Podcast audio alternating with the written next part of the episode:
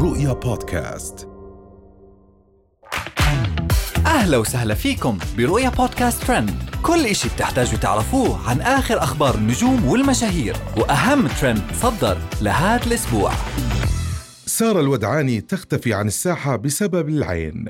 شجون الهاجري تتحدث عن أسرار عائلتها لكونها لقيطة. فرح الهادي تبكي بعد سؤالها عن رؤية والدتها لابنها آدم. هبة اليوسف تنشر ردة فعل زوجها لما عرف خبر حملها. بعد اختفاء خبيرة التجميل السعودية سارة الودعاني لمدة ثلاثة أيام قامت إحدى المتابعات باتهام الجمهور بحسد سارة الودعاني بسبب حملها الرابع اللي أعلنته آخر فترة.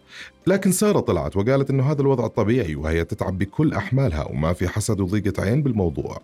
لا بنات إيش دخل؟ مرة ما له دخل. أنا كذا كل حملاتي سبحان الله أتعب نفس التعب. أه، بس هالمرة قلت خلاص يعني دامهم عارفين إني حامل أخذ إجازة. قبل كنت أقول لا ما له داعي أخذ إجازة. الحين خلاص عرفتوا البير وغطاء صرنا أهل. تحدثت الفنانة الكويتية شجون الهاجري في مقطع فيديو عن الصعوبات اللي تواجهها بسبب كونها يتيمة ومتبناة وقالت في إحدى اللقاءات لما أدخل مكان وأريد أن أسلم على الناس يقولوا لي لا تسلم أنت ولد حرام. مما أثار تعاطف الجمهور اللي استنكر هذا التصرف. جاتني الشهرة بعمر صغير. مكتوب بالجريدة عمري ثمان سنين الطفلة المعجزة. إذا دخلت مكان تمد إيدك بتسلم يقولون لا لا تسلم أنت ولد حرام.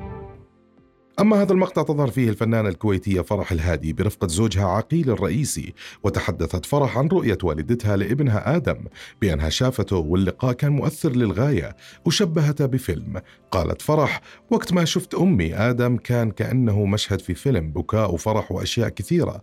أنا إلى الحين في أمور كثيرة ما تعدلت وكان يهمني كثير أنه آدم يكون موجود ويكبر معها وهي تكبر معه. فرح صدق صدق أحب في صراحتك. بس شلون كان اللقاء الأول؟ كنا فيلم. كنا فيلم مشهد فيلم شيء. كان بتشي كان فرح كان وايد أشياء. وايد. وأخيرا نشرت مشهورة مواقع التواصل الاجتماعي هبة اليوسف مقطع لزوجها بالوقت اللي فاجأته بخبر حملها اللي انتظرته لمدة خمس سنوات. ويظهر زوجها يسجد شكرا لله بعد ما عرف هذا الخبر السار ويبدو كأنه طاير من الفرحة. فيها ديونه بس تخويف لا صدق والله. لا لا لا اوه شو أسوي الحين اوه كلام ما قريت الكلام. ما يحتاج. والله شهرين كنسل السفر المدير وأنا فلوس وهاي كانت أهم أخبارنا لليوم. بنشوفكم الحلقة الجاي. رؤيا بودكاست.